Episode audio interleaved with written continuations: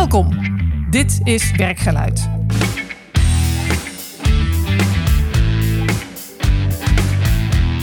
Mijn naam is Marjolein Veringa en ik ga iedere podcast in gesprek met leiders over belangrijke momenten in hun werk. Om er zelf van te leren en ik hoop jij ook.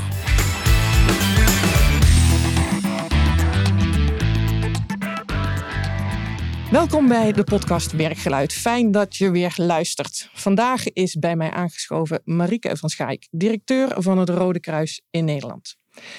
Marieke is gepokt en gemazeld in de goede doelen omgeving.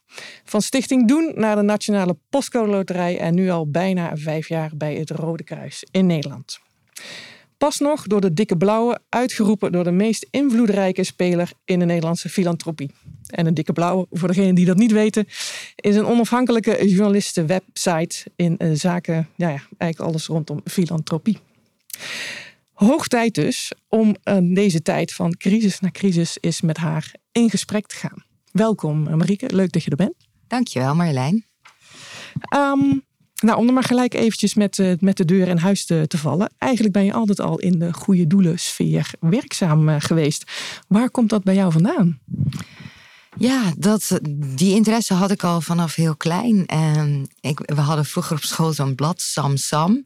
Dat las ik altijd helemaal van voor naar achter. En ik had altijd heel veel interesse in wat er in de wereld gebeurde en in de politiek.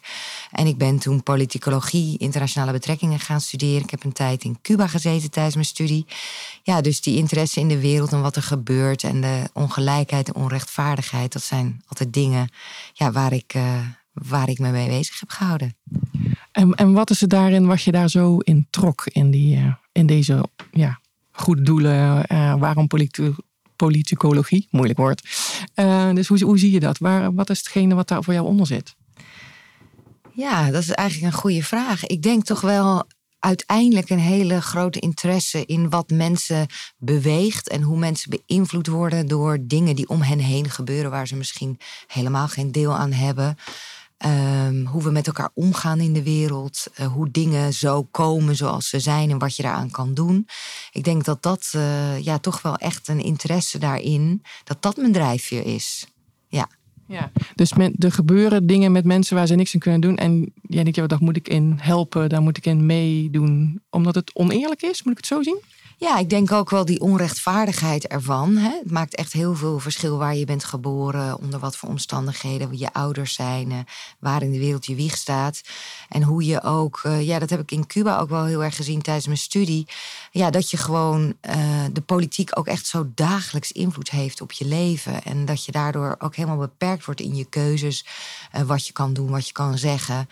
Um, ja, en wat ik dan zelf heel interessant vind van hoe kan je wat veranderen op een individueel niveau, maar ook natuurlijk op meer op een systemisch niveau. Wat kan je daar nou aan doen en wat kan ik daarin bijdragen? Dus die onrechtvaardigheid die daarin zit, die voel ik ook wel heel erg. Ja. ja. En, hoe kan je daarin bijdragen bij het Rode Kruis in jouw rol? Zeg maar? Want we zien het Rode Kruis nou de laatste tijd heel erg veel. Hè? Er gebeurt ook eh, een heel aantal van tenten opzetten, van vluchtelingen helpen, eh, eh, maar ook internationaal ben je actief. Wat is jouw doel dan nou in? Hoe, hoe zie jij jouw bijdrage in al dit soort dingen vanuit het Rode Kruis? Um, nou, ten eerste het zo goed mogelijk uh, ondersteunen van mensen die het werk doen. In, het, in het veld. Dus de, de vrijwilligers en ook de medewerkers die echt uh, uh, de hulp verlenen. En daar staan, met name als er een ramp is of als er een langdurige crisis is.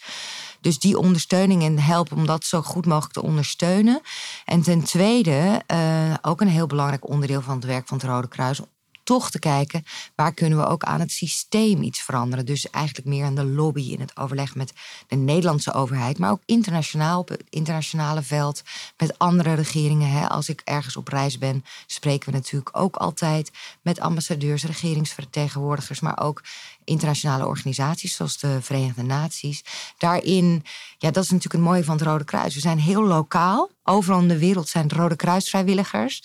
Uh, maar uh, we zijn ook heel uh, mondiaal actief op die, op die, op die fora die er zijn over dat soort problematieken. Dus dan, kun je, dan maak je natuurlijk maar kleine stapjes, maar dat zijn wel kleine stapjes die iets kunnen betekenen in het systeem. En dat maakt mijn werk natuurlijk heel interessant, omdat het eigenlijk gaat over al die niveaus. En dat maakt het heel bijzonder, vind ik ook. Het, dat maakt het Rode Kruis zo bijzonder. Ja, dat, dat snap ik zeker. Van helemaal, uh, nou ja, hoe, hoe helpen we in Ter Apel uh, nou, dat de mensen geen, niet meer buiten slapen, naar hoe um, ja, ik, heb ik invloed op wereldleiders die het kunnen veranderen daarin. Heb je misschien een voorbeeld van zo'n klein stapje die je misschien hebt kunnen zetten uh, om er iets duidelijker dat een systeem iets draait of dat, dat, dat het een, een stapje geeft in, uh, in een andere richting, um, zeker met deze crisis misschien in je achterhoofd? Um, nou, er zijn, ik zal eentje van, van Nederland, de Nederlandse overheid uitnoemen. Maar dat is ook echt een punt wereldwijd. Dus dat maken we niet alleen in Nederland. Maar wij zien bijvoorbeeld dat uh, we hebben gelden voor armoedebestrijding of noodhulp. En wij krijgen dan gelden van de Nederlandse overheid ook voor noodhulp internationaal. Maar er zijn ook gelden voor klimaat, hè, om iets te doen aan klimaatverandering.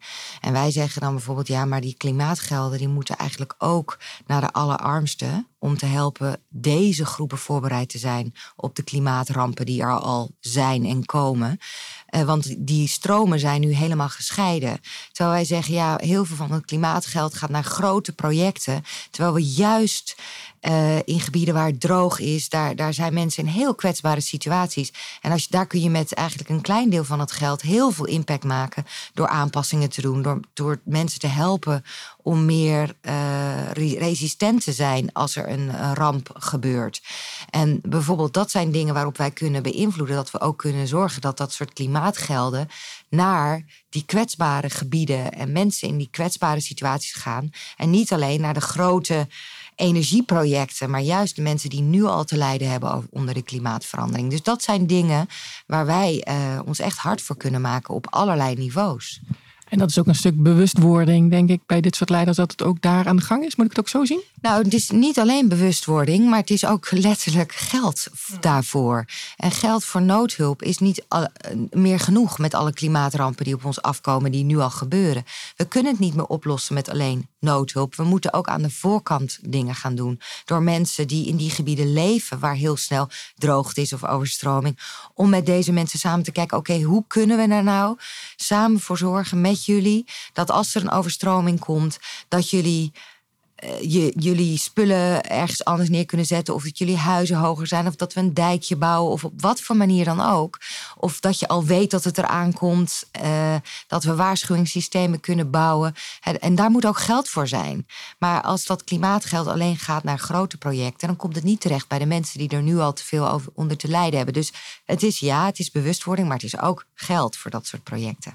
Ja, snap ik. Want dan kan je eigenlijk pas echt wat doen eh, ja. daarin. Ja. Um, helder.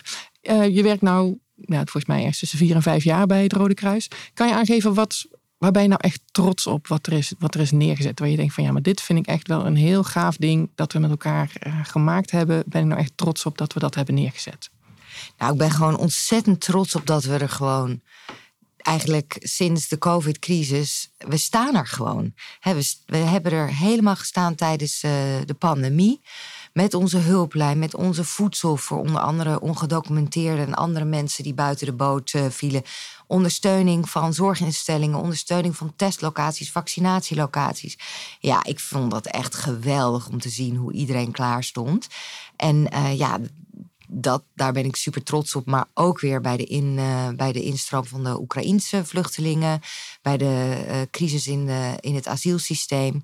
Ja, dan, dan zie ik wel echt een organisatie waar mensen echt zo hard werken en er helemaal voor willen gaan. Uh, en daar ben ik super trots op. Echt. Ja. En dat zijn ook hele grote dingen eh, die natuurlijk gebeurd zijn. Dat betekent ook veel voor het Rode Kruis. Want jullie zullen ook wel eens rustigere tijden hebben gehad, kan ik me zo voorstellen. Wat betekent dat vanuit jouw leidinggevende positie? Want dat, Um, uh, ik weet, um, omdat ik natuurlijk ook de, ja, betrokken ben bij de Rode Kruis, daar wel wat van. Dat jullie ook een hele tijd, um, nou ja, ook jullie management situatie naar een, een crisismanagement situatie hebben gehad, omdat het zo'n groot traject was. Wat betekent dat voor jou als leider daarvan? Hoe, hoe, hoe pas jij jouw leiderschap dan aan? Hoe zie je dat? Nou, sowieso is het zo, als er een crisis is op dat moment, dan krijg, ga je werken in een crisisstructuur. Dat hebben wij dan een formele benaming voor binnen het Rode Kruis. En op dat moment uh, ben ik heel intensief betrokken en moet er echt een aantal grote beslissingen worden genomen, heel snel. En dat is ook altijd heel spannend, want op dat moment is de, de informatie nog niet altijd helemaal compleet. Uh, dus ja, je moet ook soms bepaalde risico's nemen om ergens in te stappen en uh, iets te doen terwijl je nog niet helemaal weet hoe het over een paar dagen of over een week of enkele weken is. Dus daarin heb ik dan een grote, grote rol. Um, ik denk dat de rol op de langere termijn uh, vooral zit. En dan langere termijn, dan, dan heb ik het eigenlijk over de weken al daarna. Hè, want je, een crisis is eigenlijk altijd maar heel kort. Je wil snel weer naar een soort stabiele situatie. En in die stabiele situatie uh, is mijn rol vooral, heb ik gezien de afgelopen jaren, om heel erg voor mensen te zorgen. En uh, heel veel uh, mensen te ondersteunen. Um, en dat, uh, want er, er, ontstaan natuurlijk ook spanningen. En mensen binnen het Rode Kruis, en ik denk al ons soort organisaties, werken echt keihard. En het is natuurlijk nooit genoeg. Je kunt altijd meer doen, er is altijd meer nodig. Uh, wat wij kunnen oplossen of, of, of waar wij hulp kunnen verlenen, is altijd maar een stukje van het probleem. we, we, we kunnen het nooit helemaal oplossen. Dus ons werk, alles is belangrijk. En het is moeilijk om prioriteiten te stellen. Dus. Um, Zorg voor, voor ondersteuning van mensen is ontzettend belangrijk. Ook voor mijn eigen managementteam natuurlijk. En ik denk ook wel nu, na, na, na ja, toch bijna drie jaar crisis, dat dat wel echt een groot aandachtspunt is hoor. Want mensen hebben heel lang uh, heel veel projecten die we eigenlijk aan het doen waren om, om eigenlijk uh, uh, ja, meer voor de organisatie, om de organisaties te ondersteunen, zijn natuurlijk stilgezet tijdens de crisis. We hebben echt gedaan wat er moest om die uh, respons te kunnen geven. Dus we zijn nu wel echt ook in een periode dat we zeggen van oké, we zitten eigenlijk in een permanente crisis. Daar moeten we onze organisatie op inrichten. En uh, we hebben gezegd ook voor 23, dus dat, hè, de, de permanente crisis. Maar ook huis verder op orde en let op continuïteit. Want uh, mensen hebben gewoon super hard gewerkt. Uh, we moeten goed kijken hè, waar, waar in de organisatie hebben mensen echt meer ondersteuning nodig, meer aandacht nodig. Waar is de werkdruk nog, nog te hoog? waar lopen processen nog niet goed genoeg? Ja, we zijn enorm opgeschaald natuurlijk, dus daar hebben we echt aandacht voor nodig. Vorig jaar zeiden we dat ook, hè? eind van het jaar, eind 21, jaarplan 22 was oké. Uh, consolideren, goed kijken wat is er nodig. En toen februari begon het conflict in Oekraïne. En toen gingen we weer in crisis. Dus je kunt nagaan dat we toch ook wel echt, uh, ja, dat er toch wel sprake is van een grote druk op de organisatie. Ja. ja, zeker spannende tijden. En dan is het natuurlijk ook uniek aan het Rode Kruis dat jullie met zoveel vrijwilligers daarin ook werken. Kan je ook zeggen hoe, hoe dat aan leiderschap anders zit? Hoe werkt dat anders dan nou ja, als je allemaal beroepskrachten uh, leiding geeft, zeg maar. Hè? Want heel veel mensen zullen zich dat misschien wel afvragen.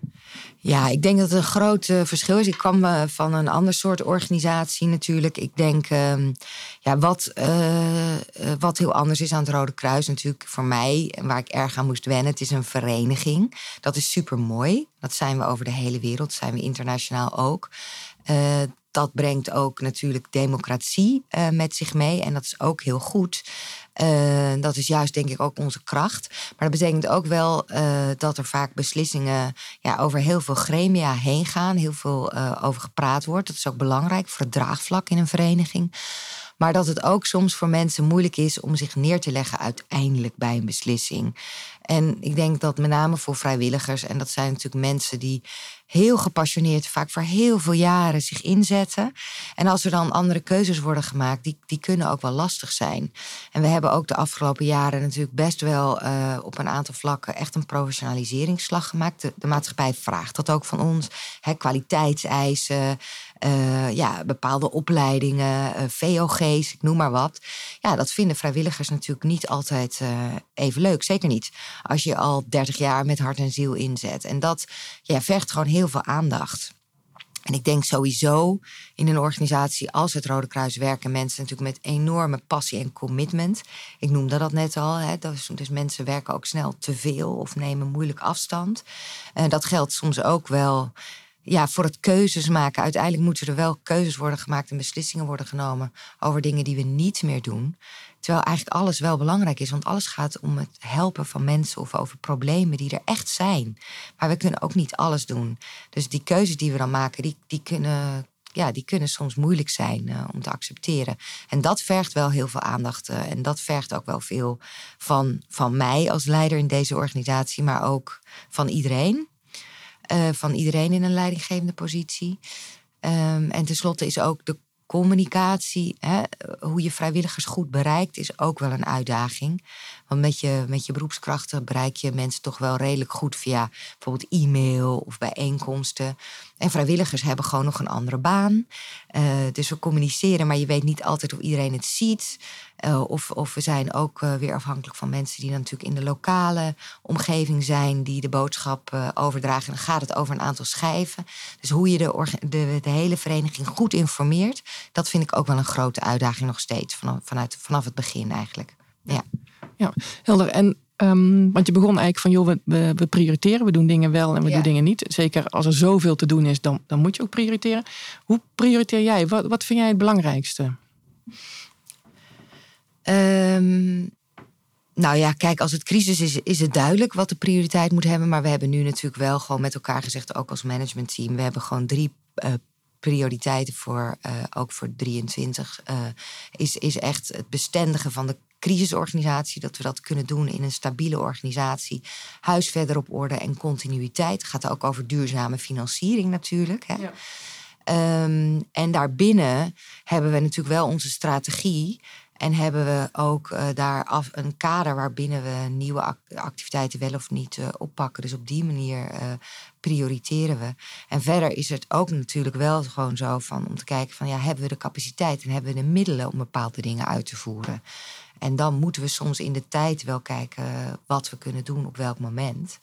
Uh, want wij zijn natuurlijk in die zin uh, ook afhankelijk van de giften die we krijgen. Dus soms is het ook een praktische keus. Wat, wat, wat kunnen we eigenlijk bieden? Zie ik het ja. zo goed? Ja, soms is het ook een praktische keus. Um, ja, en daarbinnen prioriteer ik natuurlijk niet eh, zelf. Hè. Dus op, op hoog niveau natuurlijk, eh, op, op globaal niveau, de, uh, vanuit het verenigingsbestuur en de ledenraad, binnen het managementteam. En dan zijn er natuurlijk binnen de teams echte experts die helpen en ons ook adviseren om uiteindelijk die beslissingen te nemen. Ja, want het lijkt me ingewikkeld, zeker als er nu zoveel speelt. En waar, waar zet je op in en waar zet je niet op in? Eh, en als ik dat goed begrijp, is het aan de ene kant soms praktisch. Waar hebben we ook gewoon mensen voor. En daarna met ledenraad en bestuur beslis je eigenlijk samen. Dit doen we wel en dat doen we niet. Begrijp ik het zo goed? Nou, met uh, ledenraad en bestuur uh, stellen we de strategische prioriteiten vast. Maar daarbinnen zijn natuurlijk ook nog heel veel afwegingen te maken. Hè? Dus die, uh, die doen we op managementniveau. Um, ja, en dat zijn afwegingen. Dat is ook goed kijken, bijvoorbeeld. wat is onze toegevoegde waarde als Rode Kruis? Hè? Nou, natuurlijk past het bij onze strategie als noodhulporganisatie. Nou, als je dan zegt, ja, deze activiteit past daarbij ja, we hebben de mensen, we hebben de financiering. Maar dan ook een belangrijke afweging daarbij is: hebben wij als Rode Kruis hier een toegevoegde waarde? Of zijn er andere organisaties die dat al doen? Dan hoeven wij dat niet te doen. Dus dat zijn ook dat soort overwegingen die wij daarbij uh, meenemen. En we hebben wel een hele duidelijke rol hè, als Rode Kruis. Wij zijn aanvullend op de overheid in noodhulp, uh, noodhulp, noodsituaties. Maar wij zijn ook neutraal en onafhankelijk. dat is bijvoorbeeld wel heel erg belangrijk. ook bij onze ondersteuning in het asielsysteem. Ja, wij moeten ook kijken wat is onze, onze standaard. Hè? En, en vinden wij dat nog acceptabel op de, welke manier dit nu gaat, op de manier waarop het nu gaat. Uh, daar moeten we ook de hele tijd afwegingen maken van wat doen we wel en wat doen we niet. Is dat wel eens moeilijk, dat onafhankelijk zijn? Want ik kan me voorstellen dat je als privépersoon in conflict heb je natuurlijk een mening over. Als leider van het Rode Kruis heb je dat dan niet. Maar dat je wel eens in conflict komt daarmee. Om de, aan de ene kant gewoon uh, de mens, Marieke zal ik maar zeggen, aan de andere kant in jouw rol? Um, nou, nee, omdat ik denk vanuit mijn rol bij het Rode Kruis, denk ik, wij zijn neutraal in het belang van mensen die onze hulp nodig hebben. Dus um, dat kan, kun je je altijd voorhouden. Als je niet neutraal bent, dan heb je dus ook geen toegang meer uh, bij, bij beide partijen. Het staat of valt bij die neutraliteit. Dus ik vind dat heel goed verdedigen. Ik kan me daar ook heel goed in vinden. Omdat er ook genoeg organisaties zijn die daar wel heel luid en duidelijk een mening over verkondigen. En dat heeft ook zijn rol. Als Rode Kruis doen we dat niet. Wat wel lastig is soms om dat goed uit te leggen. En dat zie je bijvoorbeeld ook heel erg rond het conflict in Oekraïne nu. Dan zie je veel kritiek op de rol van het Rode Kruis. Omdat natuurlijk vanuit de Oekraïnse zijde heel snel wordt gezegd: ja, maar het Rode Kruis doet niet genoeg en het Rode Kruis praat met de Russen. Ja, dat doen wij omdat we juist ook zoveel mogelijk toegang willen krijgen tot mensen in Rusland die hulp nodig hebben of mensen die in gevangenschap zitten in Rusland. En dat is een bepaalde rol. Die is niet altijd makkelijk uh, uit te leggen en voor mensen te begrijpen. En dat begrijp ik ook. Maar ik denk wel dat we daar echt een toegevoegde waarde in hebben. Eigenlijk is jullie logica, iedereen is mens, dus iedereen in nood help je even ongeacht aan welke kant die staat. Moet ik het zo zien? Ja, en het heeft ook te maken met de rol eh, van het Rode Kruis binnen de Geneefse conventies rond het humanitair oorlogsrecht. Heeft het Rode Kruis, eh, het Internationaal Comité van het Rode Kruis, ook het recht om gevangenen te bezoeken. Maar dat doen we bij gratie van de neutraliteit en de diplomatieke dialoog. De dialoog eigenlijk die je niet in de openbaarheid voert, maar die je voert met de autoriteiten. Um, en dat is een rol, uh, daar moet je heel voorzichtig mee zijn. Want als, uh, als het Rode Kruis bijvoorbeeld in Rusland krijgsgevangenen kan bezoeken, dan kan het Rode Kruis daar met de Russische autoriteiten over spreken. En te kijken of het Rode Kruis iets kan betekenen voor de levensomstandigheden van deze mensen, voor het contact van deze mensen met hun familie of, ja, of andere dingen die ze kunnen betekenen. Als wij als Rode Kruis daar openlijk over zouden spreken, ja, dan heb je die toegang niet meer.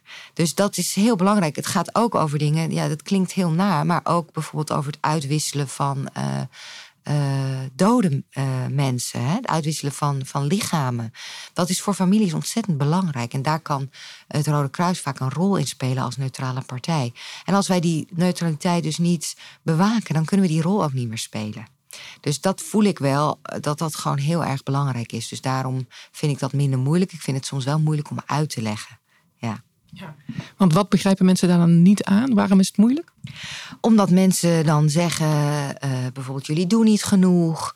Uh, jullie, hè, dus een foto van de toenmalige voorzitter van het Internationaal Comité van het Rode Kruis met de Russische minister Lavrov. En er is een foto geweest dat hij de hand schudt van Lavrov.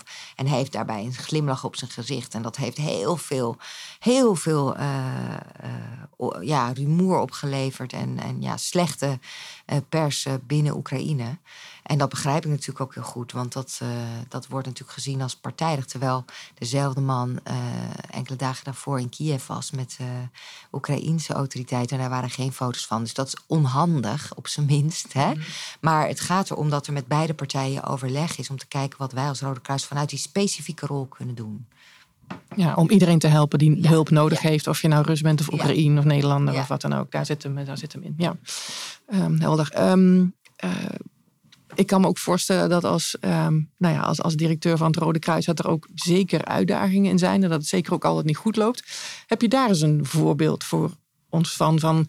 um, goh, dat wilde ik eigenlijk zo doen, maar dat is eigenlijk misgelopen. Heb ik toen opgelost om, om uh, voor de luisteraar nou ja, duidelijk te hebben van wat zitten jouw uitdagingen dan in? Hè? Waar, is, mag het ook wel eens, wordt het wel eens moeilijk uh, in de dingen die je, die je doet? Heb je daar een idee zonder naam en toenaam? Want dat willen we natuurlijk helemaal niet weten, maar gewoon even een beeld krijgen bij de uitdagingen waar jij voor staat.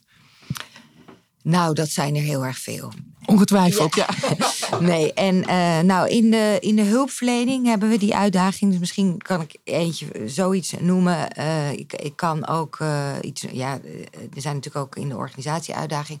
Qua hulpverlening is die, is die, die onafhankelijkheid gewoon heel uitdagend.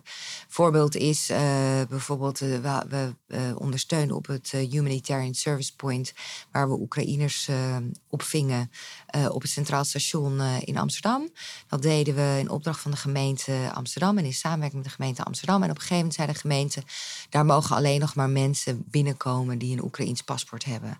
Dus niet meer mensen die ook uit Oekraïne komen, maar misschien daar een verblijfsvergunning hadden en ergens anders vandaan kwamen. Toen hebben we ons moeten terugtrekken. En dat is wel heel moeilijk. En dan wil je dat ook goed doen. In, dat is ook heel moeilijk voor de mensen die daar aan het werk waren onze hulpverleners. Want die denken van ja, maar wat, wat moet er nou gebeuren? Dat is, dat is echt heel moeilijk. Dus daarin, hè, op het moment dat je zegt, ook het moment met Ter Apel, van hé, hey, we gaan die tenten niet neerzetten. Dat zijn echt hele moeilijke beslissingen die je heel goed moet uitleggen. En die ook zwaar drukken. Want, want waarmee doe je dan het beste? Hè? Door te blijven staan, maar mee te gaan werken aan een systeem wat je niet wil. Hè, als je tenten gaat neerzetten, wordt het misschien ook onveiliger. Uh, want er is geen eten en er is geen sanitair. Ja, en, en, en er is brandgevaar. Maar hoe ga je daarmee om? Dus in de hulpverlening hebben we dat soort uh, uitdagingen. En die zijn, zijn moeilijk om uit te leggen vaak. En, uh, en, en dat is moeilijk. Intern uh, ja, zijn er ook binnen het Rode Kruis natuurlijk echt wel heel veel dingen veranderd. Ook de afgelopen jaren. En ehm, ja, ik denk dat dat wat de grote uitdaging is. En ik noemde hem eigenlijk al. Ik denk de grootste uitdaging en waar het ook wel eens misgaat of is gegaan, is ja, in, in de communicatie. Hè, dat je echt goed iedereen meeneemt en alle gevoelens meeneemt binnen zo'n grote vereniging. Met mensen die heel gepassioneerd zijn vrijwilligers die al heel lang werken. Van om, om, om dingen uh, goed, uh, als, er, als er veranderingen zijn, uh, om die dan ook goed uit te leggen. En ja, daar, daar slagen we natuurlijk niet altijd uh, in. En soms slagen we er wel in, maar er zijn er nog mensen die, uh, die het heel moeilijk vinden. Um, en daarin kan ik dan ook wel eens denken achteraf van... god, dat hadden we beter zus of zo kunnen doen. Maar ook elke keer leren we weer hoor. Want elke keer dan denk je, oké, nou hebben we geleerd, nu doen we dat meer. En dan, dan gebeurt het nog. Maar ik vind dat wel iets, uh, dus, dus echt die zorgvuldige communicatie. En ik, ik vind het daarin ook nog wel eens een uitdaging om echt goed uh, de geluiden uh, van de werkvloer gaat het overal om die goed ook op, op tafel te krijgen. Dat vind ik ook een uitdaging voor een organisatie die zo in een crisismodus vaak staat, zo wijdverbreid is in heel Nederland met zoveel mensen, overal van ja, Ter Apel tot Maastricht tot, tot Goes aan het werk is om echt goed, goed te weten wat er overal speelt en waar aandacht naar moet. Dat vind ik ook een grote uitdaging. Ja. Zeker in combinatie wat je in het begin van het gesprek zei van aan de ene kant proberen, nou ja, eh, bijna soms letterlijk wereldleiders te beïnvloeden en aan de andere kant op de werkvloer de dag to dag uh, en, en, dingen daarin te zien. Dat is wat, wat daar de uitdaging in is. Ja, ja. snap ik. Um, ik ben nog wel benieuwd van, heb jij nog een droom of een, ongetwijfeld maar een, een doel wat je zegt van ja, maar als ik dat als nou ja, directeur van het Rode Kruis dat toch zou mogen bereiken, dat zou fantastisch zijn. Zeg maar. Dus waar werk je naartoe? Wat denk je van ja, maar als we dat toch, als we dat toch zou lukken, dan, uh, ben ik toch helemaal een happy mens. Heb je daar uh, een idee bij? Nou, ik zou graag um, de, uh, wat we de afgelopen jaren hebben laten zien, wil ik graag vasthouden. Dat we gewoon de noodhulporganisatie van Nederland zijn. En dat Nederlanders ook voelen Um, ik denk ook dat we daar naartoe gaan met de samenleving. hey, we hebben altijd gedacht van de overheid zorgt wel voor ons. Nee, maar we hebben allemaal een rol daarin. Hè? Om ons voor te bereiden op dingen die, die kunnen, kunnen gebeuren. En daar hebben we ook het Rode Kruis bij nodig. Hè? Dat iedereen dat gewoon weet en voelt. En dat we daarin als Rode Kruis gewoon altijd paraat staan. Maar een, een, een, um, uh, een, een, organisatie zijn met een goede werksfeer en ook een hele diverse, inclusieve organisatie. Waar iedereen zich uh, thuis voelt. Iedereen die in Nederland woont. Dus daar hebben we ook nog uh, stappen in te maken. En ook dat we als Rode Kruis dus heel proactief en alert zijn op de kwetsbaarheden in de samenleving. Ik praat niet zo graag over kwetsbare mensen, want ik denk ja, mensen die zijn in een kwetsbare situatie. Misschien zijn die mensen wel heel sterk juist, maar ze zitten in een situatie waar, waar, waardoor ze kwetsbaar zijn geworden. Maar ze weten zich wel heel vaak juist heel goed staande te houden. En hoe kunnen we mensen nou zelf daarin helpen? Zonder te zeggen, wij komen helpen en dat gaan we doen. Maar echt op een goede manier ondersteunen. Dat we als Rode Kruis daarop alert zijn. Een goed netwerk hebben in de samenleving. Goed aangehaakt zijn en heel snel kunnen reageren, proactief zijn. En dat we die scherpte houden, ook in een tijd waarin er misschien even wat minder te doen is voor het Rode Kruis. Dat we, en dat we dus gewoon die rol permanent en duurzaam gefinancierd kunnen vervullen. En wat is daarvoor nodig om dat voor elkaar te krijgen? Um, nou, wat daarvoor nodig is, uh, is, is, is, is die continuïteit waar we nu aan bouwen. En echt ook de, de dingen die we de afgelopen jaren uh, in die crisissituatie, dat we echt die permanente organisatie sterk uh, en stabiel bouwen. Daar een duurzame financiering onder weten te leggen. En ja, wat ik geweldig vind om te zien is dat we ook zoveel super getalenteerde jonge mensen, jonge en oudere mensen aantrekken die heel graag voor het Rode Kruis willen werken.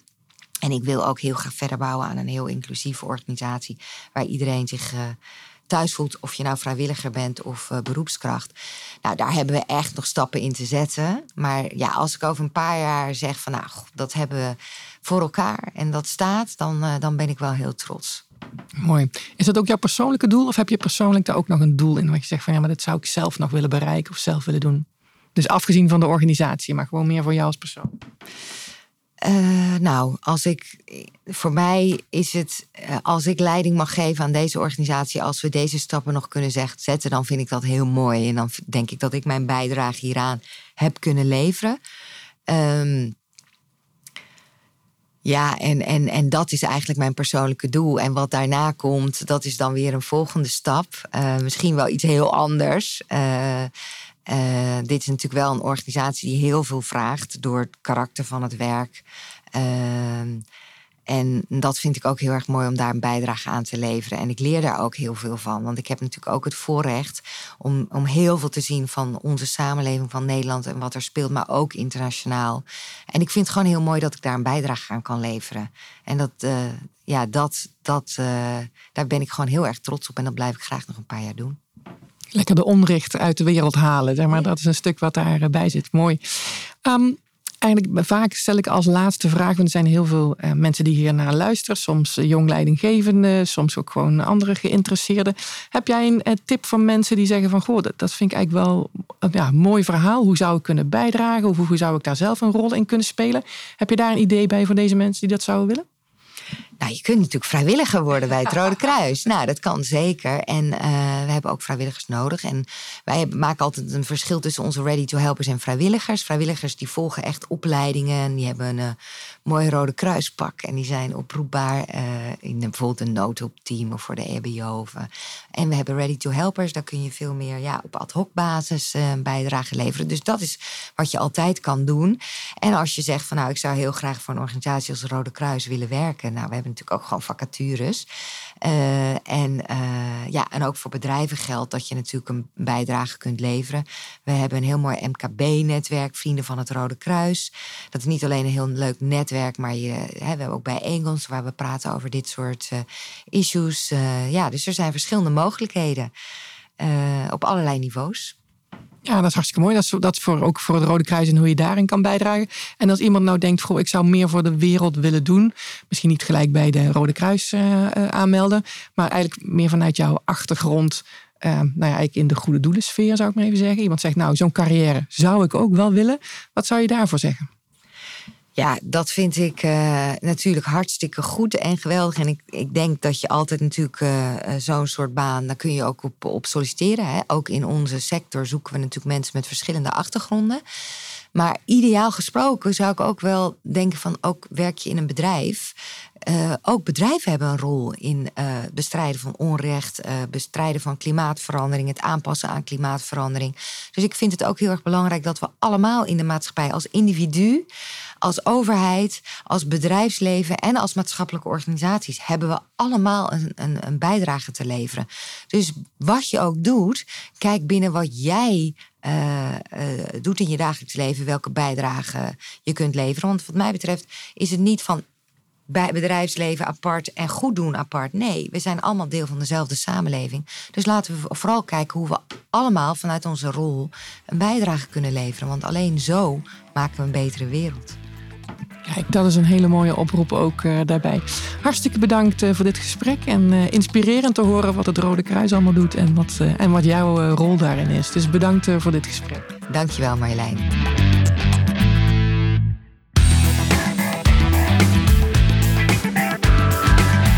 Mocht je meer interesse hebben in leiderschap en effectief werken, ga dan naar de website www.marjolijnveringa.nl.